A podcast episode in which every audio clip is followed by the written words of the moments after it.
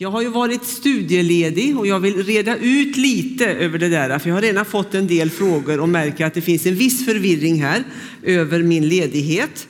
Jag har ju varit studieledig i sex månader och så har jag fördjupat mig i våra judiska rötter. Jag har tittat en del på det eh, och läst en del i gamla testamentet och så vidare. Och det kommer ni märka när jag är här, att jag har funnit saker i det för det kommer jag ju ja, dela med mig av och det kommer också märkas. Eh, jag har inte varit i Israel. Jag ska till Israel nu i november, men jag har inte varit där. Men däremot har jag varit i Tanzania i tre månader under min ledighet. Helt enkelt så att jag bytte studieort. Istället för att sitta hemma på Kungsvägen 3 i Örkelljunga och läsa så tog jag mina böcker och så flög jag ner och så satt jag i Dodoma istället då på ett gästhus där i, i, i den lutherska kyrkan. Och så hälsade jag på vår eh, missionär Ulf Ekängen och hans familj. Så det, det, var liksom där jag befann mig. Jag bara bytte, bytte ort så, så jag, jag, läste inte i Tanzania på det sättet. Men jag tänkte att jag passar på när jag har så lång ledighet. Och så kan man ju få visum, ni vet, turistvisum i tre månader. Så får man passa på. Så så har det varit. Det är där jag har varit och det har jag gjort då under de här äh, månaderna. Men givetvis har jag också varit i Sverige och läst då, som ni förstår. Eh, och jag har tittat på detta med våra judiska rötter och har blivit väldigt inspirerad och faktiskt upptäckt en del saker som jag inte har sett innan och inte har upptäckt innan. Och det, det kommer komma allt eftersom jag, jag är här och talar och så. Eh, för den som skulle tycka det är lite extra roligt så kommer jag att göra en liten serie i Pärup här borta på EFS i Pärup. Därför att i Örkelljunga nu har jag precis idag börjat en liten serie på sex tillfällen då jag ska gå igenom sex stycken förutsägelser eller profetiska ord i det som vi kallar Torah i det gamla förbundet, i gamla testamentet, alltså de fem Moseböckerna. Det har liksom Gud lagt ner spår efter Messias och hans födelse och vem detta är. Så att jag kommer då gå igenom de här sex bibelställena vid sex tillfällen. Och i eh, höst här så kommer det då vara fyra tillfällen i Pärup. Och det är helt enkelt de gångerna jag är där. Så att eh, är ni intresserade av det så, så får ni komma till Pärup. Så, så får ni höra det. Nu så ska jag läsa evangelietexten för idag och det är från Lukas 13, 10 till och med 17.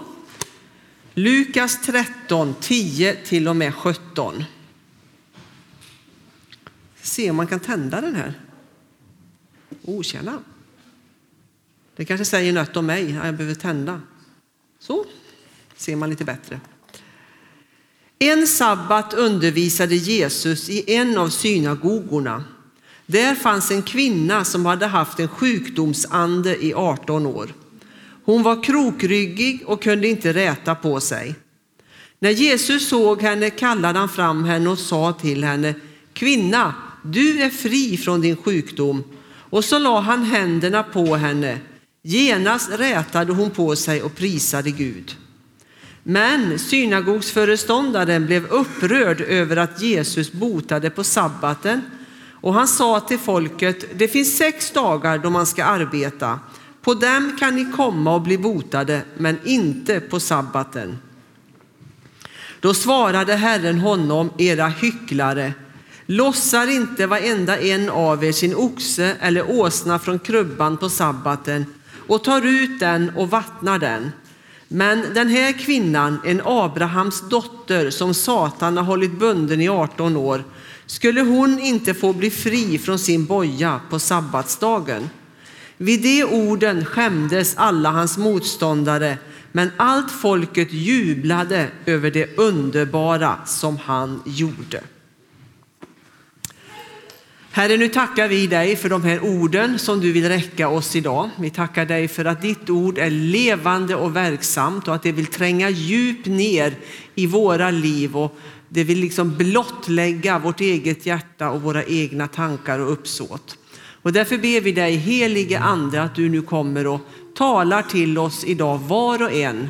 För vi längtar efter att höra din röst Herre. Eh, din röst till uppmuntran, till utmaning, till förmaning. Ja, vi längtar efter att höra. Sen får det vara vad det vill, bara du talar. Så därför vill vi be dig om det idag, att vi kanske någon speciellt här får någon hälsning från din tron den här kvällen. Vi tackar och ber i Jesu namn. Amen.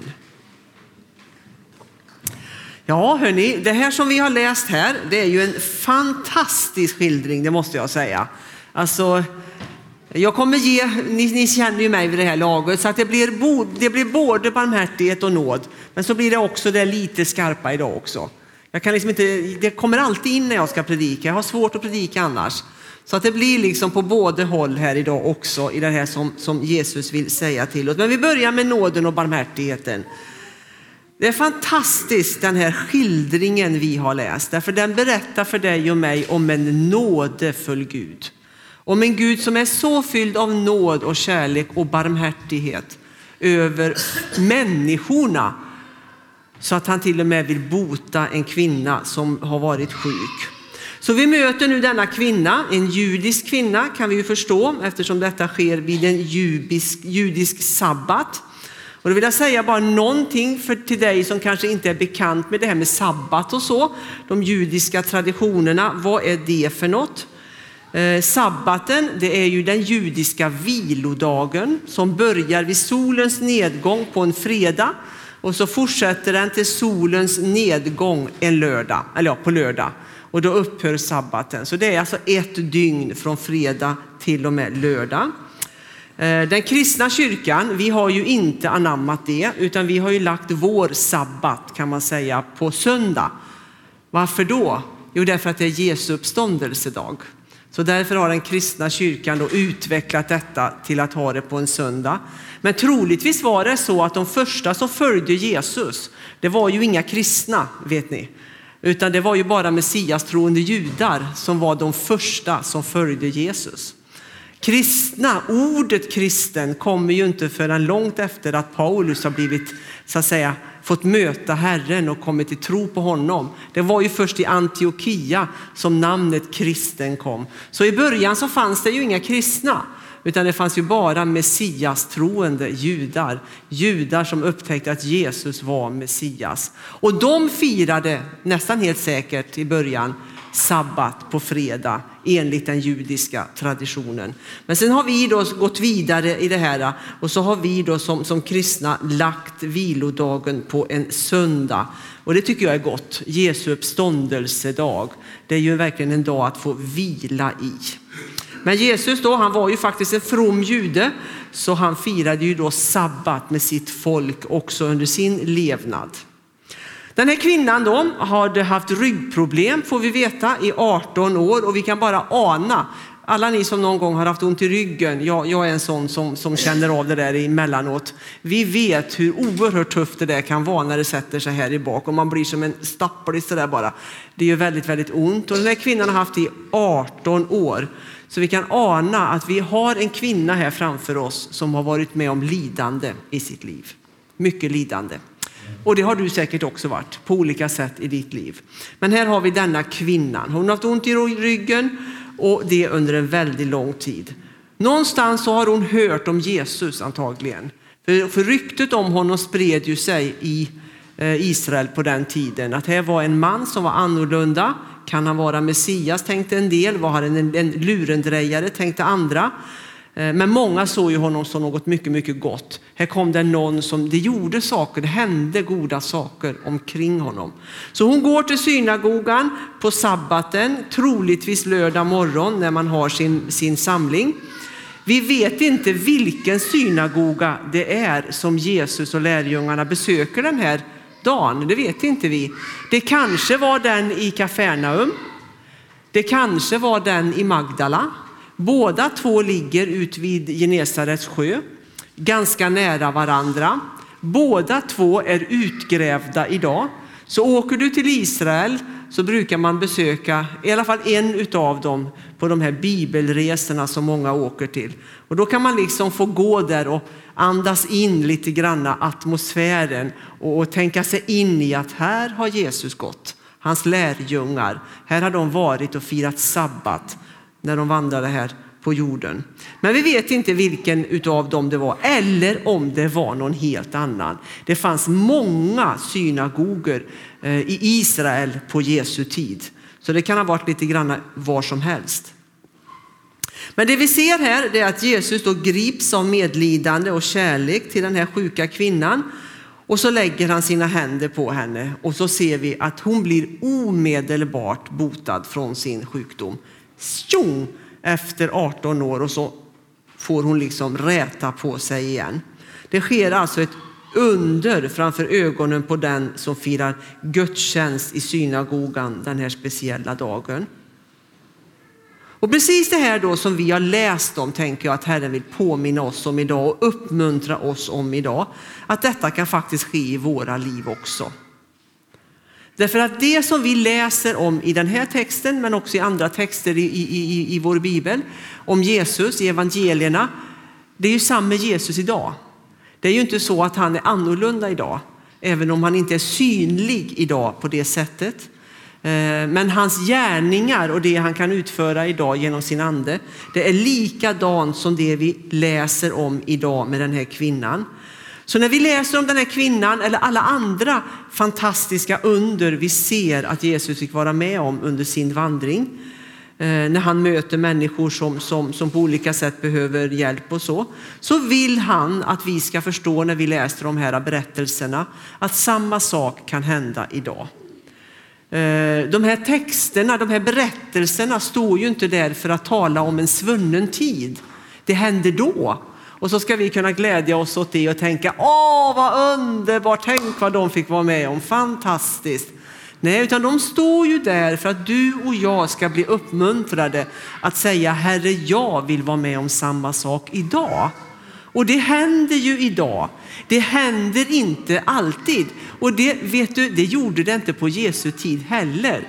Därför Jesus han botade inte varenda sjuk människa han mötte. Han gjorde faktiskt inte det. Så det var likadant då.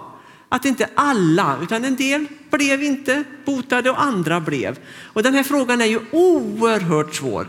Särskilt då när vi brottas med en svår sjukdom i våra liv och, det kan vara olika saker i våra liv. Och så tänker vi, varför inte jag? Ja, jag kan inte svara på det. Jag vet inte. Jag vet bara att ibland griper Gud in och ibland gör han det inte. Men det jag vet är att oavsett vad han gör så bär han oss igenom allt. Det vet jag. Oavsett om vi får bära vår sjukdom igenom i livet så bär han igenom. Så ger han kraft, han ger styrka. Paulus vet ni, han hade ju en törntagg, så en tagg eller vad man ska säga, som stack honom i sidan. Han bad Herren ta bort den, men det enda svar han fick det var min nåd är dig nog. Han fick bära vad det nu var. En del tror att det var ögonen han hade problem med, men det vet vi ju inte riktigt. Så att även om inte alla kan bli eller blir helbrägdagörda eller befriade från sin sjukdom, för så, så är det. På Jesu tid var samma sak och det är samma sak idag. Så vet vi att han bär oss igenom allt. Men det betyder inte att vi inte ska sluta be. Vi ska fortfarande be för människor. Vi ska fortfarande söka bön och smörja oss med olja och be att himmelens Gud ska gripa in i våra liv med ett under. Och ibland sker det och ibland sker det inte. Men vi ska inte sluta be. Så det Herren vill här är att han vill att det som är beskrivet om honom, det kan också ske idag. Så denna kvinna fick alltså sitt liv förvandlat i möte med Jesus. Och detta sker ju alltså varje dag runt vår jord, hela, hela tiden. Att en del blir helade från sin sjukdom, men alla möter de Jesu kärlek. Och det var ju egentligen det viktigaste för denna kvinnan. Visst var det viktigt att hennes sjukdom efter 18 år blev borttagen. Jag, menar, jag kan tänka mig att hon joddlade, om man nu gjorde det på den tiden, men, men man ropade av glädje i alla fall. Men det viktigaste var ju att hon fick möta Herrens kärlek och förstå att hon var alltså, älskad för den hon var. Att även om hon inte hade fått sin rygg upprättad och blivit befriad från det, så var hon fortfarande älskad av Herren. Så att möta Herrens kärlek är alltid det viktigaste. Därför brukar jag tänka när man ber för människor så där, och även om det inte sker under och, och så, det, det, det, det, brukar inte göra det när jag ber, men jag ber med frimodighet i alla fall. För jag tänker, jag ber och så ber jag in Guds kärlek i människors liv. Därför någonstans är det ändå det som kommer bära ända in i evigheten, Herrens kärlek. Utan att för den sakens skull förringa att vi ska be och ropa till Herren. Hur reagerade då ledarskapet på detta? Vilket under, eller hur? Hur reagerade nu folket som var i synagogan då på att denna kvinna blev botad från sin sjukdom? Ja, de blev upprörda och arga kan vi läsa. Sex dagar ska man arbeta, kom därför och bli botade på dem och inte på sabbaten. Så här läser vi alltså om synagogsföreståndarens reaktion. Och när jag läser det så tänker jag så här, vad hände nu? Hallå, vad hände här? Jag menar, här sker det någonting som är fantastiskt. En Abrahams dotter, skriver Lukas, blir fri från sin sjukdom efter 18 år. Och så säger ledarskapet, hallå där! Du, du, du, du, du, du, du. Alltså ni har sex dagar på er men kom inte här och gör sådana här dumheter på sabbaten. Vad är det som händer här? Hur kan han bli så upprörd? Visst kan vi ställa oss den frågan. Hur i hela fridens dag är detta möjligt? Men vet du, jag tror inte att det är så ovanligt. Därför det vi möter här, och nu går jag över på lite mer den här skarpa biten då, i det som jag tror också jag vill säga idag. Nu har vi tittat på det här med barmhärtigheten, nåden och, och allt det här med, med Guds kärlek och så. Det, det följer med oss nu också, men nu blir det lite mer skarpt. Därför det vi möter här, det är den religiösa människan. Det är det vi möter här i den här synagogsföreståndaren och kanske också de andra ledarna som fanns här. Det är den religiösa människan. Därför att när vi läser evangelierna så kan vi läsa det här, det är inte första gången. Alltså Jesus han råkar ju ut för detta hela tiden va? När han mötte ledarskapet. Bam, bam, bam. Det bara small och spraka oavsett var han befann sig någonstans. Och det vi ser då i de här människorna som han möter vid den tiden, det är dåtidens religiösa människor. Därför ledarskapet och det judiska ledarskapet på Jesu tid i Israel var många gånger religiösa. Det vill säga de kände inte Gud. Du vet en religiös människa det är de som har en, yttre, en ytterhet som är religiös. Alltså man gör vissa religiösa saker och sådär men man känner inte Gud. Man känner inte Herren. Och det är det som vi ser sker här. Så var det många gånger med ledarskapet men inte alla. Vi har några fina exempel. Till exempel så har vi Nikodemus. Ni vet, han satt ju med i, i Stora rådet där. Han tillhörde ledarskapet vid den tiden. Men han hade ett annat hjärta, det kan vi ana. För vad gjorde han? Jo, han gjorde sig besväret att söka upp Jesus mitt på natten. När ingen annan såg honom. Och så ställde han de där viktiga frågorna han hade. För han märkte, denne ledare Nikodemus, att Jesus, det var någonting annat. Han ville veta mer. Så här har vi ändå exempel på att alla var liksom inte det jag då kallar för religiösa. Men många utav fariseerna och de skriftlärda kände inte Gud. De hade religionen som ett utanpåverk och inte hjärtats bekännelse. Och det är en religiös människa, när den får sina religiösa ordningar störda, då blir han eller hon arg. Ja, men så här ska det inte gå till i en kyrka. Så här ska det inte gå till i en gudstjänst. Nej, men så här brukar vi väl inte göra? Nej, men vad är det som händer nu? Hallå, kom igen, bli hela den annan dag. Men inte nu, nu har vi faktiskt tio gudstjänst eller nu har vi fem gudstjänst eller nu har vi det här och nu ska det gå till på det här sättet. Det är så vi brukar göra. Kom inte och gör något annat. Och så kanske Gud vill gripa in. Man blir arg när ordningen man är van vid blir förändrad. För alla visste väl enligt den religiösa människan att på sabbaten fick man inte arbeta och absolut inte bota en sjuk människa. Så för en religiös människa så är ordningen viktigare än att Gud får möta en människa och någonting förändras i det sammanhang man befinner sig i. Och vi märker på Jesus här att han är inte bara arg, jag tror han är vansinnig helt enkelt. Idiotiskt arg, vrålarg. Jag vet inte hur jag ska kunna uttrycka mig, men jag tror han är superupprörd alltså. Och han sätter ledarskapet på plats med buller och bång. Det är liksom inte några stryka medhårsord utan det här är bara hela handen alltså som pekar. Och han säger ungefär så här, kom inte och snacka. Om vi ska prata lite mera svenska uttryck här. Kom inte här och snacka. Jag menar inte en människa viktigare än era djur.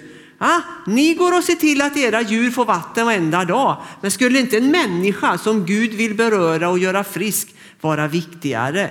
Kom inte här och snacka. Så de får sig alltså en avdygling som heter duga, ni hycklare. Tänk att höra det. Jag kan riktigt känna det. va? Tänk om Herren skulle säga det till mig. Du hycklare Eva-Lotta. Det hade nog varit bland det värsta jag kunde få höra tror jag. Men det är lätt att bli en religiös människa. Så jag hamnar ju i den kategorin själv. Så att så är det ju. Alltså vi människor brottas ju med detta. va? Att inte hamna i det religiösa träsket. Vi får alla, alla jobba med detta och bekänna det här inför Herren. Därför att vi vill ha kontroll, många utav oss. Och så blir vi osäkra när saker och ting inte går som det brukar. Och jag är ju en kontrollfreak. Så att jag gillar ju när det är ordning och reda. Du vet, jag har lappar, jag skriver upp och jag är lite ho, ho, ho, så här. Va? Så jag gillar när det är ordning och klart och vi vet precis och så där. Va? Så jag får ju brottas själv med detta och säga till Herren, vill du ändra på något, vill du göra något annat? Ja, men då vill jag försöka vara öppen för det och svänga om om du säger någonting mitt i allt som vi har planerat. För jag tror vi ska planera. Jag tror verkligen vi ska planera. Men att vi också ska vara öppna för Herrens ingripande på ett speciellt sätt. Så det här tror jag vi alla, alla får jobba med. Därför att vi drabbas av det här. Äh, vi går på en gudstjänst, en konsert eller något annat. Och så har vi vårt, vi vårt mönster hur det ska gå till. Och så sker någonting, Gud bryter in och allt blir förändrat. Och då blir det vad vi kallar oordning i gudstjänsten. Oordning kan bryta ut. Eller på en konsert eller så. Och det är sådana tillfällen som den religiösa människan kan komma upp i våra liv eller komma in i våra sammanhang och säga så gör vi inte. Det har vi inte gjort förut. Så därför så behöver vi tänka och be och fundera över detta eh, var och en utav oss. För vi kan faktiskt bli som den här synagogsföreståndaren även om vi inte vill. För jag tror ingen utav oss vill det. Men att vi får kämpa med den religiösa människan i våra egna liv. Och så kallar då Jesus de här religiösa människorna för hycklare. Och det är ju alltså en hycklare, det är ju en människa som visar en sida utåt i det offentliga eller när man möter människor. Men så är man annorlunda, kanske på en annan plats. Alltså hjärtat är oförändrat. Man har ett, ett utanför, för, för en mask på utsidan. Ibland så brukar man väl tala om att förr i tiden så hade man gycklare på teatern. Och det var ju de som satte på sig de här maskerna och så liksom hoppar man omkring då på, ja, jag vet inte om det var på 1500-1600-talet, jag kan inte det där riktigt. Men det var ju gycklarna, därför att de hade en mask framför sitt eget jag. Och det är väl där som Jesus går emot. Du hycklare. Och jag jobbar jättemycket med detta. Att jag ska vara likadan när jag står här som när jag är vid köttdisken på Coop i Örkelljunga. Det ska inte vara så att jag är annorlunda här än vad jag är där. Och det är någonting vi får uppmuntra varandra till. Att försöka vara likadana var vi än befinner oss i för situation. Att vara sanna människor och inte vara hycklare eller religiösa. Därför att det Herren ser till dig och mig först och främst, det är vårt hjärta och inte till det yttre. Så när de oväntade sakerna händer i en gudstjänst så kan vi vara så kontrollerade att vi faktiskt missar att Jesus är på färde och vill beröra en människa. Och det var precis det som hände med ledarskapet i synagogan. De missade att Gud var på besök och ville upprätta en människa. De hade bara det religiösa mönstret. Så här ska det gå till och så ska det vara. Det betyder inte att vi från och med nu ska ha oordning i våra gudstjänster. Det värsta jag vet är när folk tänker att det är mer andligt att inte förbereda. Nej, nu förbereder vi ingenting utan bara anden ska leda oss. Jo, det kanske en del kan, men nej, jag tycker det ibland kan vara lite lathet. Utan vi ska allt förbereda oss och göra ordentligt tycker jag. Så inte oordning, utan ordning, men en ordning som man kan släppa på om Gud vill göra något speciellt i våra sammanhang. Så när Jesus nu då hade skällt ut ledarskapet till tårna så skämdes de som inte gillade Jesus, men folket jublade. Därför folket såg att det här var en man som var annorlunda. Alltså folket kände en enorm glädje över allt det som Jesus gjorde och utförde när han vandrade här på jorden. Så det var verkligen inte så att alla var emot Jesus på hans tid, utan den vanliga människan, den vanliga så att säga fromma människan som levde i en vanlig familj tyckte ju det här var fantastiskt. Här kommer det en man som inte var som de skriftlärda och fariseerna utan en man som talade som jag förstod och som gjorde underverk i Guds namn. Så många tyckte att det var fantastiskt och man jublade över detta. Och vi läste ju att folket jublade över den här undret de fick se med den här kvinnan och hennes rygg som blev helad. Och då kan man fundera över vilka var det då som jublade? Vilka var folket? Vilka är folket i det här? Vilka är det som stod där? Vilka var det som såg och hörde? Ja, men det var ju det judiska folket, eller hur? Det var ju judarna som stod där vid synagogan och hörde detta. Jesus säger i Matteus 15 och 24 så här. Jag har inte blivit sänd till de andra än de förlorade fåren av Israels folk. Det är ju lite tufft för oss, vi som är hedningar här, vilket jag tror att de flesta av oss är, om vi inte är födda av en judisk mamma, för då tillhör vi det judiska folket. Annars är vi hedningar allihopa. Men Jesus kom ju faktiskt i första hand till det judiska folket, till sina egna bröder och systrar. Det var ju till dem han kom. Sen får vi också hänga på, tack och lov för det. Där ser vi Guds nåd och barmhärtighet och kärlek, att det också spiller över till hela hedna folken. Men i första hand kom han ju till dem och det är ju de som jublar här. Det är ju det judiska folket, det vanliga folket som var i närheten när detta hände, som jublar över att kvinnan blir frisk i sin rygg. Det kanske fanns en och annan liten hedning som hade liksom krypit sig in i sammanhanget där. Skulle mycket väl kunna vara så. Men i första hand så var jublet från Jesu eget folk. Så det här är alltså en fantastisk berättelse om ett av alla de undren som Jesus gjorde. Samtidigt så är det också då en beskrivning av den inomjudiska debatten som Jesus ständigt var i med, med hans samtida, fariséerna och de skriftlärda och så vidare, det judiska ledarskapet. Så det här är alltså en beskrivning som kan ge dig och mig mycket uppmuntran, mycket frimodighet, mycket glädje, i att be för varandra, ta emot Jesus kärlek i våra liv, be om upprättelse och helande. Men det är också en skarp varning samtidigt. Och det är ju så Guds ord är ofta, att det är liksom både och. Det stryker inte med hårs, men det dömer inte heller, men det vill uppmuntra oss till att omvända oss och ta nya tag. Så Gud upprättar män och kvinnor runt hela vår jord idag. Så kvinnan med den här sjuka ryggen står alltså som en mall kan man säga för vad Guds ande gör varje dag med människor. Så det är en berättelse full av uppmuntran men också en skarp varning till ledarskapet i kyrkan och till dig och mig så att vi inte blir religiösa utan vi lär känna Jesus. Så jag tänker, måtte du och jag inte ha tron som ett utanpåverk i våra liv. Utan måtte vi inte vara hycklare, utan att vi känner Jesus. Det är det viktigaste i ditt och mitt liv. Det räcker inte med att bara gå till kyrkan, utan du måste känna Herren. Så det är en uppmuntran från Herren till dig och mig. Måtte vi känna honom. Och skulle vi läsa hela Lukas evangeliet kapitel 13 så vill evangelisten Lukas matna oss i allt som han har skrivit ner där. Han vill uppmana oss till omvändelse. Om du läser kapitel 13 så ser du det tydligt att här har han plockat ihop och så vill han säga du måste omvända dig. Omvända dig från det religiösa sättet att tänka. Omvända oss så att vi inte är bundna i teologier, liturgier och annat religiöst som kan göra att vi missar ett besök som Herren vill göra i våra sammanhang.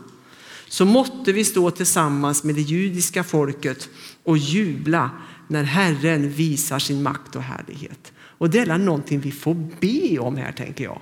Ja, fantastiskt att vi har samma Herre idag som vi precis har läst om. Han är inte något annorlunda.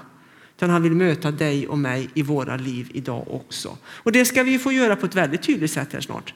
Genom nattvardens bröd och vin. Men också, det var några förebedjare här idag. Visst var det det? Ja, då finns det också möjlighet att komma fram till dem så småningom här under nattvarden kanske. Är det det? Ja, ja precis. Och då passar vi på, ni som önskar kan man gå dit och så kan man få, be, be, få en bön bett över sig och man kan komma dit med sjukdomar och så kan vi be till helande och så. Så att här finns det alla möjligheter också idag. Fantastiskt tycker jag. Nu tackar vi Herren.